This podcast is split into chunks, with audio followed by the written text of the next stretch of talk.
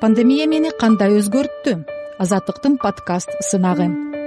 Арбаңыздар ардактуу кыргыз журтчулугу жалпыңыздарга бейпилчилик каалайм элибизге журтубузга тынччылык каалайм аты жөнүм айтбаев азизбек усманжанович жалал абад областынын чаткал районунун сумсар айыл аймагынан сиздерге кайрылуу жөнөтүп жатам. Мынакей азаттык үн алгысынын ушул пандемия тууралуу ушул пандемияда ушул апааттан эмне таптыңыз эмнени жоготтуңуз деген жакшы бир соболуна өзүмдүн баянымды айта кетүүнү чечип көрдүм. Мына мен биринчи топтогу көз боюнча биринчи топтогу тубасам айыпмын. Кудайга шүгүр үй бүлөм бар.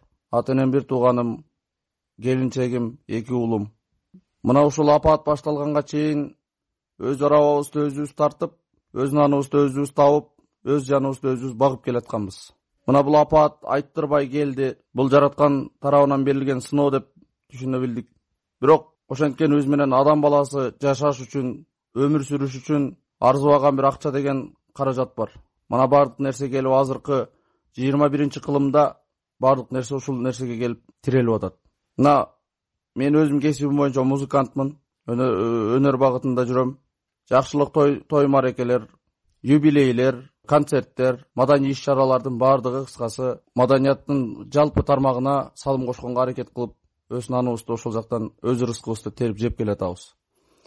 Апаат башталгандан бери тойлор токтоду концерттер токтоду. Макул эми ал мүмкүн эмес экен. Анысын да туура кабыл алдык. Бирок кантип жашаштын жолун билбей таппай карайлап турган кезибиз. Бойдок адамга жалгыз башына канчалык кыйын болгонун жалпыңыздар жакшы билет чыгарсыздар ал эми үй бүлөлүү адамга тем более биринчи топтогу майып адамга үй бүлөсүнүн жүгүн көтөрүп үй бүлөсүн материалдык жактан колдоп келаткан э, колдогонго аракет кылып аткан адамга билбейм. Ал кандай болуп калат? Мына азыр оюм оңго санаам санга бөлүнүп олтурган кезим. Кайсыл жактан каражат табып үй бүлөмдү бала бакырамды кантип кемчилдиги жок ушул бир татыктуу жашоого жеткирем деген ой мени жеп олтурат азыр. Балким бул сөздөрүм бирөөгө бир жөнөкөй эле сөз болот чыгар. Албетте менин ичимде болуп аткан менин жүрөгүмдү өбүп аткан маселе балким меникинен да жаман тагдырлар бар чыгар. Бирок ошентсе дагы мамлекеттин көзүн карап олтура берип ал нерседен толук чарчап бүттүк. Үмүтүбүздү үзүп эле койдук мындайча айтканда.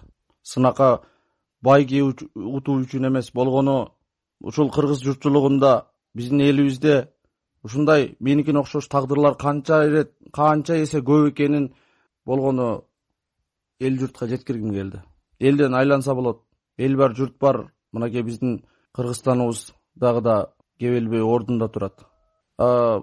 Бийлик тарабынан кандай чаралар көрүлдү деген суроолор мага ушул кезге чейин берилип келет. Бийлик тарабынан кандай чара көрүлсүн?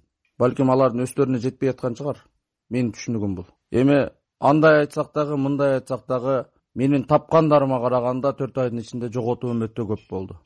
Өтө көп болду жоготуум.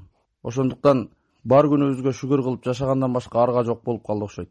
Бул күндөр дагы өтөр кетер. Балким элибиздин журтубуздун башына бир жакшы күндөр келип жаркылдаган бир жакшылык той маареке концерттерде маданий иш чараларда майрамдарда жолугуп жадырап жайнап жүрөр күн келер жатсак дагы турсак дагы ошол нерсени жараткандан дуба кылып келебиз. Бар болгону ушул бизге окшогон ден соолугуна мүмкүнчүлүгү чектелген инсандарга дагы бир аз көңүл буруп карап койсоңор деген эле бир чакырык. Сураныч дагы эмес болгону чакырык.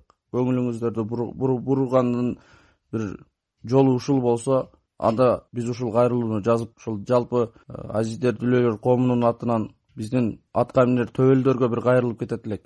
Биз сиздерден эч кандай эч нерсе сурабайбыз бизге сиздердин акчаңыздар гүм э, жардамыңыздар керек эмес. Бизге болгону шарт түзүп берсеңиздер болгону. Кудайга шүгүр. Бир дене мүчөбүз жок болгону менен башыбыз бүтүн. Анча мынча соо инсандар кыла албаган ишти кудайга шүгүр жасагыч колубуздан келет.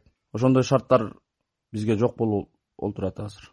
Эмне үчүн биздин элибизге ушунчалык кыйынчылык сыноолор көп берилди болду экен келиңиздер замандаштар. Ушул суроону ушул соболду өзүбүзгө берип бир аз болсо дагы жүрөгүбүздөгү калган мээримди ойготолу. Күчтүүлөр ал сыздарга жардам бериңиздер.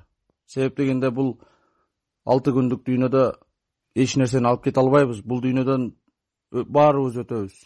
Жыйынтыгы бар жакшы иш жасаганга жок дегенде бир адамдын көңүлүн алганга аракет жасайлы. Укканыңыздар үчүн көңүл бурганыңыздар үчүн терең таазим этем. Жалпыңыздарды терең урматтап азизбек айтбаев пандемия мени кандай өзгөрттү? Азаттыктын подкаст сынагы